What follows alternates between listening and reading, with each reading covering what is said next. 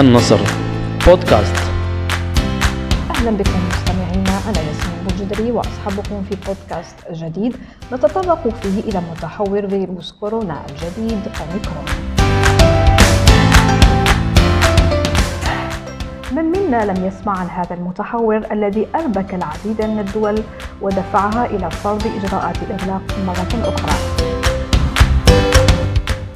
هو أوميكرون وهل سيعيد العالم إلى نقطة الصفر؟ ثم ما مدى فعالية اللقاحات في التصدي لها؟ للإجابة عن هذه الأسئلة تستضيف أمس البودكاست الدكتور أحمد شنة وهو باحث جزائري متخصص في البيوتكنولوجيا شارك في تطوير لقاحات ضد كورونا بالولايات المتحدة الأمريكية. نرحب بك بداية دكتور أحمد شنا وسؤالنا الأول الذي قد يطرحه الكثير من المستمعين ما هو متحور أوميكرون؟ وما الأعراض التي يحدثها؟ هو متحور يعني جديد ظهر في جنوب إفريقيا يحتوي على حوالي خمسين طفرة. يعني مقارنة بالمتحورات السابقة مثلا دلتا تحتوي إلى 17 طفرة فقط. وألفا مثلا تحتوي على 23 طفرة فقط.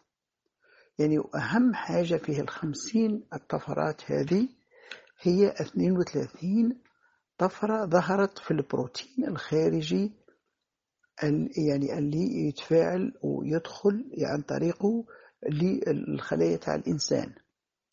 فيها 32 متغير أو طفرة في البروتين ذاك مقارنة بدلتا يعني فيها سبعة فقط وألفا تحتوي على تسعة فقط متحولات. يعني هذا فيه يعني تقريبا أكثر من ثلاث أضعاف المتغيرات أو الطفرات الموجودة في في دلتا. لذلك العالم كله يعني أصبح خائف ويعني يحتوي على المتغيرات أو الطفرات تاع دلتا وتاع ألفا جميع التغيرات السابقة وفي أكثر. وبالتالي يعني في خوف كثير أنه يكون أنه انتقل سرعة العدوى تاعو ربما تكون يعني آه، سريعة وكذلك حدة المرض تاعو تكون ربما آه، تكون ثاني قوية.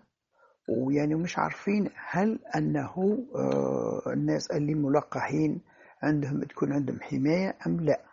يعني هذه كلها أسئلة ما زالت غير معروفة وستظهر المعلومات هذه في الأسبوعين القادمين إن شاء الله. طيب دكتور ما هي أعراض هذا المتحور وما هي الفئات المعرضة أكثر لخطره؟ آه يعني على حسب النتائج الأولية يعني اللي جت من جنوب إفريقيا. لأنهم أصيب إلا الناس الصغار عمرهم يعني من 15 تقريبا إلى 40 سنة. قالوا أنه الأعراض كلها بسيطة. مثلا فشل يومين أو يعني فقط وهذا من الناس الصغار يعني نسبة الفاكسان عندهم حوالي 25% فقط.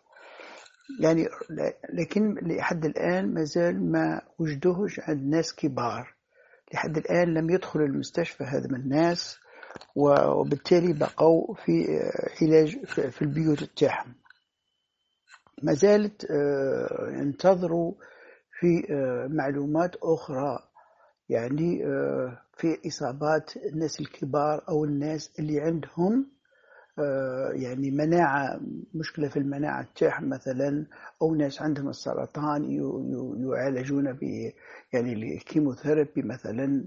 هذا من المناعة تاعهم منخفضة وبالتالي آه، ما زالت آه، لم تصب هذا من الناس. طيب دكتور العديد من الأشخاص أخذوا جرعتي اللقاح المضاد لكورونا وحتى الثالثة. كما هنالك حديث عن جرعة رابعة هل تعتقد أن هذه المتحورات التي تظهر آه، كل فترة سوف تجعلنا ربما ملزمين بأخذ لقاح كورونا كل سنة آه، مثل ما هو معمول به مثلا مع الإنفلونزا الموسمية؟ اللقاحات اللي استعملت في أمريكا وفي أوروبا مثلا خرجت دراسات أنها فعالة ضد آه، المتحور مثلا ألفا ودلتا وبيتا مثلا. وبالتالي صحيح في انخفاض على الفاعلية مثلا فايزر من 90% أو 94% نزل إلى 80% مثلا. يعني فيه نزول في 10% 20% مثلا في آه، الإفيكاسيتي تاع تاع ال vaccin لكنهم ما زالوا فعالين صحيح عندما يوصل الفاعلية تاع ال vaccin مثلا إلى 50% يصبح مثل آه، تاع الإنفلونزا مثلا. الإنفلونزا هي 50 إلى 60% مثلا. وبالتالي سيصبح كل ربما كل سنة يكون فيه يعني vaccin جديد مثلا. إذا كانت استمرار فيه استمرارية في التغيرات هذه كل شهرين ثلاثة نشوفوا نوع جديد من الفيروس هذا يعني متحور جديد. أعلنت شركات أدوية عن تصنيع عقاقير لعلاج فيروس كورونا. هل يمكن هذا أن يفتح الباب أمام إيجاد علاجات أنجع؟ آه نعم يعني فايزر وكذلك ميرك. يعني الآن عندهم آه دواء أنه يخفض عدد آه يعني الإصابات آه بالنسبة للناس اللي أصيبوا بكورونا. عندما يدخلوا المستشفى عندما يعالجون في الأسبوع الأول أو الأربعة أيام الأولى وجدوا أنه آه، يخفض تقريبا بخمسين في المئة يعني دخول الناس هذا من المستشفى مثلا.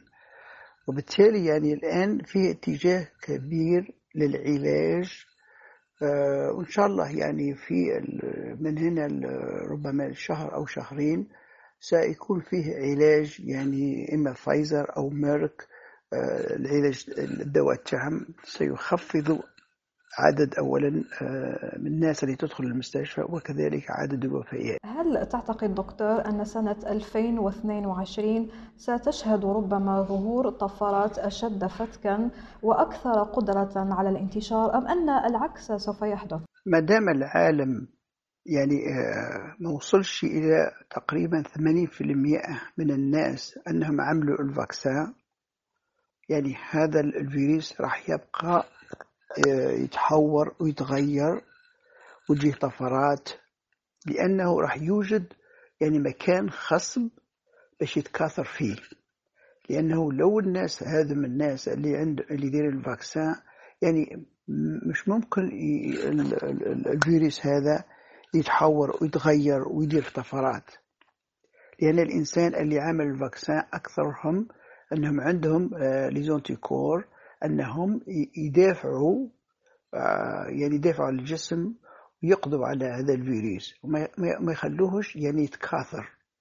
يعني الطفرة تظهر نتيجة للتكاثر العشوائي وبالتالي وخاصة في المناسبات الكبيرة في الملاعب تاع كرة القدم المناسبات الدينية مثلا في الهند وبالتالي عندما يكون يعني العالم كله يوصل إلى 80% من الفاكسان يعني آه، في الوقت ذاك سيتوقف أو تنقص آه، ظهور التحولات والتحورات هذه والطفرات تاع الفيروس هذا. نشكرك دكتور أحمد شن على كل هذه الإجابات والتوضيحات المستفيضة كما نشكركم مستمعينا على حسن المتابعة. إلى اللقاء في بودكاست